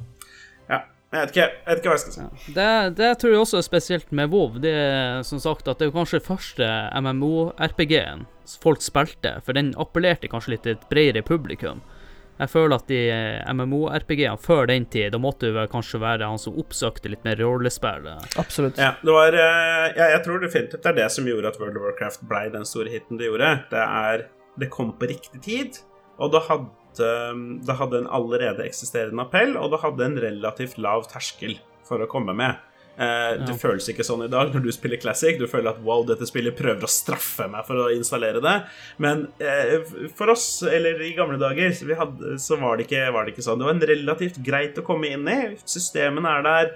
Du forstår greia. Alver, orker, slemme, snille. OK smack-mack. Og da kommer mye av, den, mye av den sosiale greia sånn etter hvert. Mye av det som også veldig gjerne kunne skjedd i andre spill, men World of Warcraft rett sted til rett tid. Men for å si på en annen måte, jeg skjønner godt uh, hvordan folk uh, ble oppslukt i spillet her. Hvis jeg hadde spilt det spillet i 2005 når det kom ut, jeg tror også jeg har vært uh, en junkie på det spillet.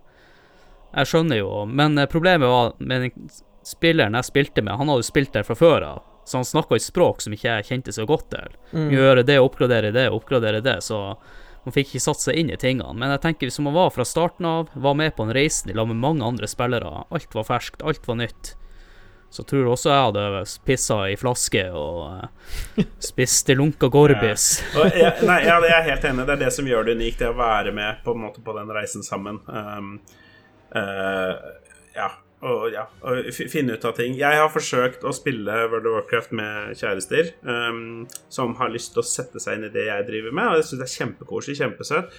Og vi prøver, og de prøver og sånne ting. Men jeg bare Jeg merker at det er så mye som bare Det er som, det er som å lære å sykle, da. Det er sånn her, Skal du lære dama di å sykle fra grunnen av? Du, du kan sykle, liksom. Det er jo bare til å liksom sette ja. i gang. Og så har du jo nok fart til å ikke falle, liksom. Det, hvor vanskelig er det? Men eh, ja, nei, den, eh, det sitter litt langt inne for oss som har spilt, spilt det mye. Ja, jeg tenkte jeg skulle kanskje stille noen to enkle spørsmål. da Hva dere vil si det positive med World of Warcraft? For min del så er det at det har introdusert meg til utrolig mange kule folk som jeg, som jeg henger med den dag i dag, liksom. Eh, og at det har satt et punktum for MMO-sjangeren, kanskje. det er kanskje ikke den beste sjangeren spill, jeg vet ikke. Det er kanskje greit å, å bare ha et MMO, og det heter WoW, og det er that's it. Ja, men jeg hører, jeg hører, jo når jeg hører på dere, dere har jo oppe si, halve livet deres nesten i det spillet her. ja, eller for meg det er, litt, det er litt rart, for for meg nå i dag så virker World of Warcraft nesten som et fjernt minne, liksom. I hvert fall starten av World of Warcraft. Men det er jo kanskje fordi det er 15 år siden. Ja. det har litt å si.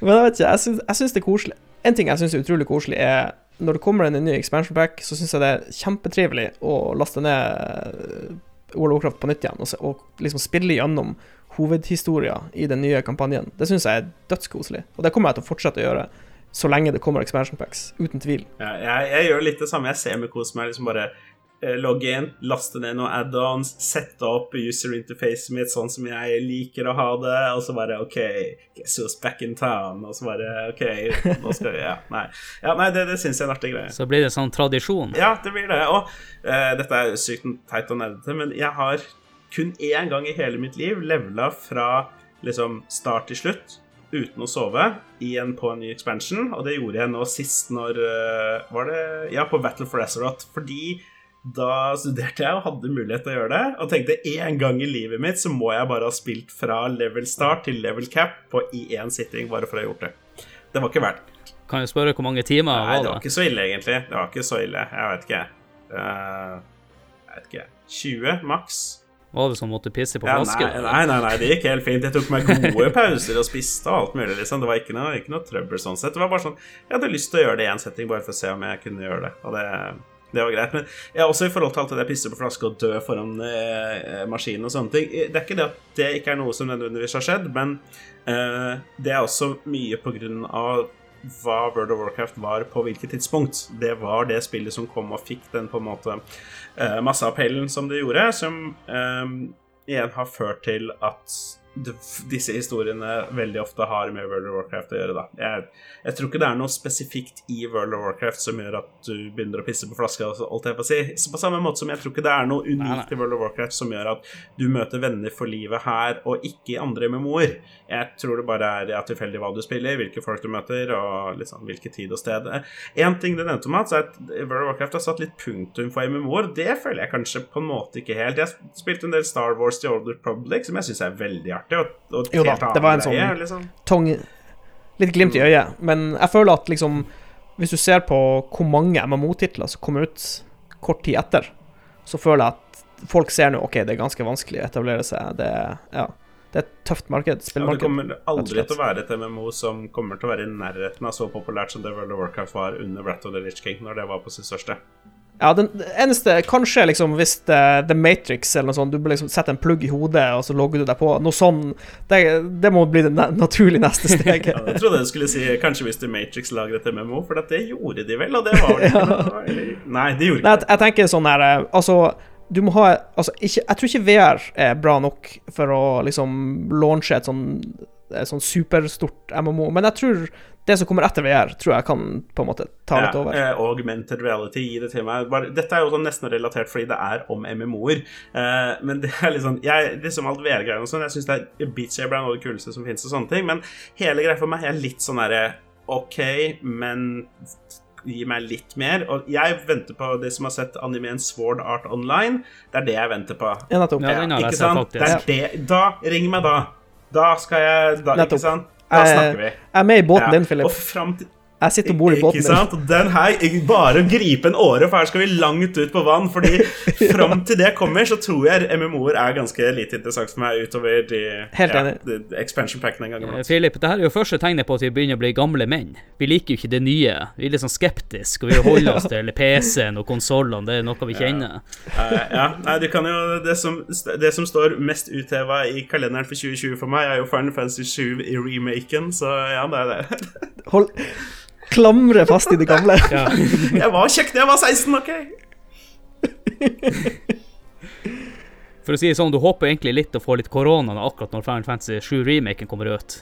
Det er vel ikke, kanskje, det er kanskje ikke den verste I i perioden med smitte. Nå, nå kommer det jo ut på langfredag, så da skulle jo alle være hjemme og være benka foran stream uansett. Jeg er litt mer redd for at folk er for sjuke til å se på. Men uh, ja, Twitch.tv slash lolbua dere der ute. Hvis jeg skal bare plugge litt, rann, det, både jeg og Mats. Ja da, det Og det er lov. Mats kommer jo fra podkasten Lolbua, for de som ikke har, har hørt det. Mats har vært en hjørnestein i år, mens jeg har vært En slags eh, stein. En slags stein i år, mens jeg har, har, har snirkla meg nå de siste månedene, holdt jeg på å si. Eh, Men uh, Lolbua er en ganske artig greie. Vi kommer ut med ukentlige episoder. Vi har også en greie som heter Spillrevyen, som er en litt mer seriøs titt på spill spillnyheter og sånne ting. I tillegg så skjer det jo veldig mye gøy på Twitch.tv slash Lolbua. Der streames det Mats og Jon Cato. Hadde en liten session med det nyeste Call of Duty Battle Real-moden her om dagen. Og så blir det jo, ryktes det, at det skal være en 24 timer sammenhengende Philip Final Fantasy 7-stream når den remaken kommer ut da 10. april. Og han pisser på flaske. Ja, jeg, ja det, er, det, er, det kommer an på hvor mye bits som doneres, men jeg utelukker det ikke.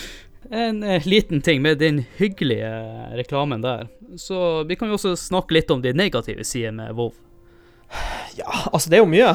Oh. Det er ikke perfekt, for å si det sånn. Um, men um, Ja, altså Ja, vi kan jo snakke litt om reisen spillet har tatt til nå. Uh, han Philip har jo snakket litt om det. De har jo, de har jo uh, slakta historia litt, på en måte. Altså, de har, de har gjort så mye rart med de bossene og Ja, jeg vet ikke. Jeg føler de har mista tråden litt. Og så, Det er én ting som irriterer meg, virkelig, er eh, Og det, dette er egentlig noe som kunne løst hele det raider-problematikken, er hvorfor ikke bare eh, viske ut streken litt mellom factions, mellom Horde Alliance? Kan ikke den krigen ta slutt snart, på en måte? For det, det har vært så nært. Han Trall og Jane er liksom venner, og de, de, vi skal slutte å drepe hverandre, og så er det bare tilbake på det igjen. Jeg føler liksom, Kan de ikke gå litt videre der, med den historien? Ja, eller in interne krig mellom dvergene og humans. Ja, for eksempel. og. Ja, nettopp. Og så kan folk bare velge ja, sjøl. det, det er sånne ting vi har eh, eh, liksom teorisert om i ti år. Som å, lurer på om de kan finne på noe skikkelig kult til denne expansion. For eksempel ja, at dvergene bare sier OK, Alliance, nå er vi drittleie av at dere ikke respekterer oss, og at dere diskriminerer oss. Fuck dere, nå joiner vi Horde. Samtidig som en rase på Horde sier det samme og, og går over. Et eller annet sånt. da. Bytte det var litt det de prøvde å gjøre når de introduserte klassene Draenei og Blood Elves. Um, fordi eh, det Blizzard la merke til, at folk ville spille liksom tøffe brr, brr, brr, type karakterer, og de valgte Horde. Mens folk som ville spille pene karakterer, de valgte Alliance. Uh, og da lagde de en pen uh, ny Horde-rase og en litt sånn tøff, barsk ny Alliance-rase, bare sånn for liksom gjøre den greia. Og kanskje noe sånt noe bare på steroider hadde vært veldig ålreit for, for å friske opp litt. Ja. Ja, jeg føler de må, de må slutte å ta sånne trygge valg, og heller bare gutse litt på. Mm. Mos på. Um, det er jo avhengighetsaspektet som på en måte det er vanskelig å komme utenom i en samtale om World of Warcraft. Um, um, lang historie kort. Jeg gjorde en del jobb med Oslo kommune eh, rundt dette her for en stund siden. Jeg realiserte på et tidspunkt hva som var greia med World of Warcraft, um, og fikk fiksa meg selv, holdt jeg på å si. Uh, jeg skjønte på et tidspunkt, når jeg logga inn, at jeg ikke logga inn for å spille fordi det var gøy lenger. Jeg logga inn fordi jeg følte jeg burde, eller fordi jeg følte jeg måtte. Det hadde blitt en rutine å logge inn hver dag og gjøre diverse ting for å holde meg på et nivå jeg ønska å gjøre. Det er gøy, sikkert, å være på det nivået, men å gjøre den jobben er ikke gøy.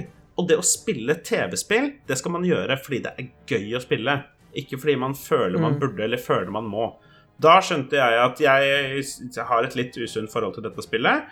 Og så klarte jeg å avbalansere meg veldig godt ut. Og det var liksom mantraet mitt en stund da når jeg jeg jobba litt mot uh, Ja. som hadde spillgreier. akkurat det der er faktisk et ganske Det er et reelt problem, fordi hvis vi ser på Mythic Raiding nå i dag, så har du 20 spillere i raidet, og så har du egentlig lyst til å ha de samme 20 personene hver uke. Du har ikke lyst til å bytte ut noen, for da får du inn noen nye som ikke spiller bra sammen med de andre, og som ikke kan rollen sin, og strategien og taktikkene. Og da kan du se for deg da, hvis du raider to eller tre kvelder i uka, så er det snakk om ganske mange timer hver uke du må investere, og dette er bare aktiv raiding. Det andre er jo å samle inn penger til potions og lage utstyr og holde utstyret ditt eh, bra nok. Og, altså, det, det, det er sinnssykt mange timer som kreves for å, for å spille på det øverste nivået, og det jeg er ikke en fan av det. Jeg syns det burde være mer tilgjengelig. Absolutt. Ja, vi, har hatt en, vi har hatt en diskusjon litt før, og jeg er veldig ambivalent på det. Fordi eh, hele poenget med å ha et høyt høyeste nivå er at det skal være vanskelig å komme dit. Og det skal være vanskelig å være der. Og hvis du klarer det, så beviser det noe om deg, da. Eh, men samtidig så i dag er det kanskje mer den retningen at det viser at du legger tida i det, ikke nødvendigvis at du er flink Nettopp. nok til det det å ja, Sånn som i gamle Mm. dager med disse honor pointsene, sånn som du så da. Den eneste måten du fikk det på, var å drepe andre folk. Eh, så hadde du en høy rank, så var du det var automatisk respekt, da. I dag er det kanskje mer sånn derre OK, jeg kunne, jeg kunne gjort det der, men jeg kan ikke legge ned den tida som er nødvendig. Har ikke tid. Ja, nei, nei, jeg har ikke tid. Jeg, jeg, er helt opp, jeg er helt overbevist om at jeg kunne raida på et relativt høyt nivå, og på et tidspunkt gjorde jeg det, men jeg var, aldri, jeg var ikke interessert i å gå over 15 timer i uka i ren raiding. Det, det, det er for mye, liksom. Og det gjorde at det var et sånn øverste tak for hvor jeg, høyt jeg kunne gått. Ja. Det er kanskje ikke helt heldig. hvor mye av deg, Adrian, hvor mange timer i uka ville du vært villig til å sette av i kalenderen til kun riding? Eh, jeg vil ikke eh, si hva jeg bruker tida mi på hver uke. Det er et spill som er bannlyst i eh, klassisk spillmiljø. Det har noe med fotball å gjøre. Ah, FIFA? Fot nei, det er fotballmanager. Nei, å, Champions League. Fotballmanager? Hva Nei, heter det? Og det er FIFA, ja. ja ok. Ja, Ja, jeg har Jeg, Jeg har vært eh, ikke, Jeg skal ikke snakke mye om Fifa, da. Det er noe um, Jeg har alltid likt eh, TV-spill, og så har fotball vært den andre hobbyen min. Og United um, 5-0. for to Ja, i dag vant jeg. Jeg er 5-0. Jeg Men, ja, men for to år siden så begynte jeg med noe som heter Ultimate Team. Jeg holdt meg alltid unna det der. Eh, Så begynte jeg å eh, nærme meg topp 100-listen. Ikke i vanlig foot, men eh, i FUT Champions, men Squall Battles, som er mot maskin, da. Og nå har jeg klart å komme blant topp 100 eh, ganske ofte, og i forrige uke tror jeg var, kom på 37.-plass i verden, og det er lista for hele verden. Men ikke alle spiller den game-modusen, men eh, Det høres Så jo ganske heftig ut. Ja, så jeg setter jo av eh, noen timer hver dag. Så Ja, ok. ja, det blir 40 kamper i uka. ja, men så lenge du har det morsomt, så vil jeg jo si det er greit. Men når det føles som en jobb, det er da det er på tide å ja, det er kanskje av og til i helgen at jeg ser at ok, nå kan jeg bli topp 100, så er det litt jobb på slutten. Men jeg, jeg bruker også å høre på podkast og sånne ting. Ja, ok. Så jeg slapper av. Det er ikke sånn jeg konsentrerer meg heller, så det er derfor jeg må skryte litt. Nei men, men, nei, men jeg er jo helt enig. Så lenge du kan sette deg ned og nettopp ha det forholdet til det at liksom, Jeg syns det er kult. Og det er det samme når jeg spiller League of Legends. Eh, Da må jeg spille mot andre, og jeg, det er ikke noe gøy å tape, så du vil jo helst vinne. Men det er jo likevel noe jeg kan gjøre for å liksom ha det gøy med TV-spill, på samme måte som du kan sette deg ned, slenge på en podkast, Lolbua kanskje, og liksom bare spille selv om det er litt stressende og det er mange timer, så er det noe du syns er ålreit å Ja. drive med. Det, det, da syns jeg det er helt fair. Men igjen, eneste forskjellen med meg var at på et tidspunkt så bare oppdaga jeg at jeg ikke logga inn fordi jeg syns det er gøy å spille, men fordi jeg syns jeg burde. Ja, jeg hadde jo det problemet i Division. Fordi at dem jeg spilte med, spilte jo kanskje fra han kom hjem fra jobb til klokka tolv på kvelden. Og da var det litt som han Mats nevnte i stad, plutselig henger man etter. Og da blir det Mm. arbeid. Du er bare med bare for at du ikke skal havne bakpå. Ja, Og det er da ikke er det ikke sunt. Nei. Men jeg føler jo, i hvert fall nå, at vi har gått, eh, gått igjennom World of Warcraft. Og eh, det er jo litt sånn i, i den podkasten her Det er garantert ting vi har glemt å snakke om, osv. Vi må prøve å finne en liten balanse. Kunne sikkert ha prata om det Eller dere har prata mest da i denne episoden. Kunne sikkert prate noen timer til. Ja, World of Warcraft er relativt utømmelig kilde for bare ting å prate om. På, vi, jeg og Mats og en annen i redaksjonen som heter Dag Thomas satt her på julebordet og skulle bare prate så vidt om noe greier. En time senere så bare hadde vi snakka om Ja. World of Warcraft, og bare detaljer og tull og tøys og piss og historie fra gamle dager og sånn. Og ja, nei, det går, det går fort litt tid. Men jeg syns det er veldig hyggelig at du har hatt tålmodighet til å høre på all nerdinga vår. Jeg har lyst til å, jeg føler å prøve å lære meg noen spill, eller høre om spill jeg ikke har spilt sjøl. Men jeg vet jo også at eh, World of Warcraft er veldig omfattende, for det finnes jo egne podkaster som kun prater om det her spillet. Og det har ikke vi kjangs til å ta igjen. Nei, det er bare å glemme. Ja, det er også på et helt annet nivå. Da er det mye sånn ja, detaljgreier og Men jeg vil si, jeg vil si at um, det, uh, hvis du er Som sagt, Classic uh, innså du sikkert fort at det ikke var det beste for deg, men uh, nå, i år, en gang, ikke gitt dato ennå, så kommer det en ny expansion pack til uh, World of Warcraft som heter Shadowlands. Uh, og da forandrer de på ganske mye greier. Uh, makslev, det nye makslevelet blir 60. Eh, det blir store forandringer på alle klassene, så det tror jeg absolutt kan være rett plass å, å prøve det ut. Ja, så dere anbefaler egentlig at eh, for en fersk eh, WoW-spiller, så bør ikke prøve Classic i det Styr unna Classic. heller- Hvis du, ikke, hvis du ikke har et forhold til World of Warcraft, så bare glem Classic, og så går du heller på det nye, moderne Mm. spillet. Og, og jeg som Mats nevnte, de skal gjøre en del spennende ting nå den neste expansion, så det kan være, være en tid å titte til det. Det absolutt beste er hvis du titter litt rundt i noen gaming communities, f.eks. discorden til Lolbua eller noe sånt nå, og liksom ser etter folk som skal spille. Fordi det, det gjør hele forskjellen. Det å spille gjennom innhold sammen med noen versus å spille alene, gjør det, det er så mye mer artig. Uh, ja, for det var jo egentlig via eh, Lolbua at jeg tenkte jeg skulle teste ut eh, WoW Classic, men problemet var at serveren blir jo så stappa full, så man kommer seg jo ikke inn der. Ja, altså, ærlig talt, uh, jeg har ikke snakka så mye om World of Warcraft Classic, men jeg prøvde å spille det i høst, og det var så mye kø på de norske serverne. Altså, det var jo noen servere som ble satt at her er norske spillere, her skal vi spille. Og det mm. var så mye kø at jeg gadd ikke spille. Det var flere timer med kø hver hvis du ville spille en tilfeldig dag. Det var helt krise. så ja. ja man har ikke tid til å eh, stille seg i kø hver dag. Nei, da tror jeg vi har en plan. Venter på Shadowland, som kommer ut forhåpentligvis seinere i dette kalenderåret. Så er det bare til å snakkes på Lolbua-discorden, og så finner ja. vi samme server. Og da kan vi fikse alt sånn på forhånd og liksom fikse karakterene våre og sånne ting. Og så smack bam. Jeg tror min karakter eh, sitter alene nå en plass, for hele gildet mitt har dratt til en annen server. Så jeg er klar for å starte opp. du trenger nye venner. ja. Jeg tror også jeg er, jeg er litt sånn, ja, om ikke venneløs, i hvert fall det høres ut som en plan. Gildo serverløs. Jeg er veld, veldig åpen. Vi finner en Lolbua-server, og så kjører, ja. vi, kjører, vi, på.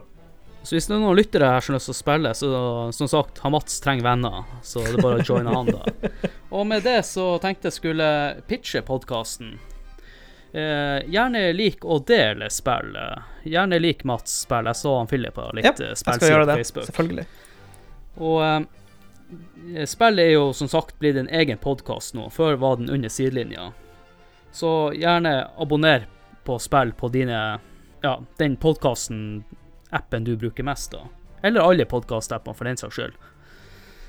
Så vil jeg si takk til han eh, Philip og han eh, Mats for at dere kunne være gjester. Tusen takk for at vi fikk komme. Ja, veldig trivelig. Ja. Og veldig trivelig å ha dere på besøk. Og... Veldig trivelig å være her. Og, og husk å like og dele spill på Facebook. Ja. Og Twitter og Flikker.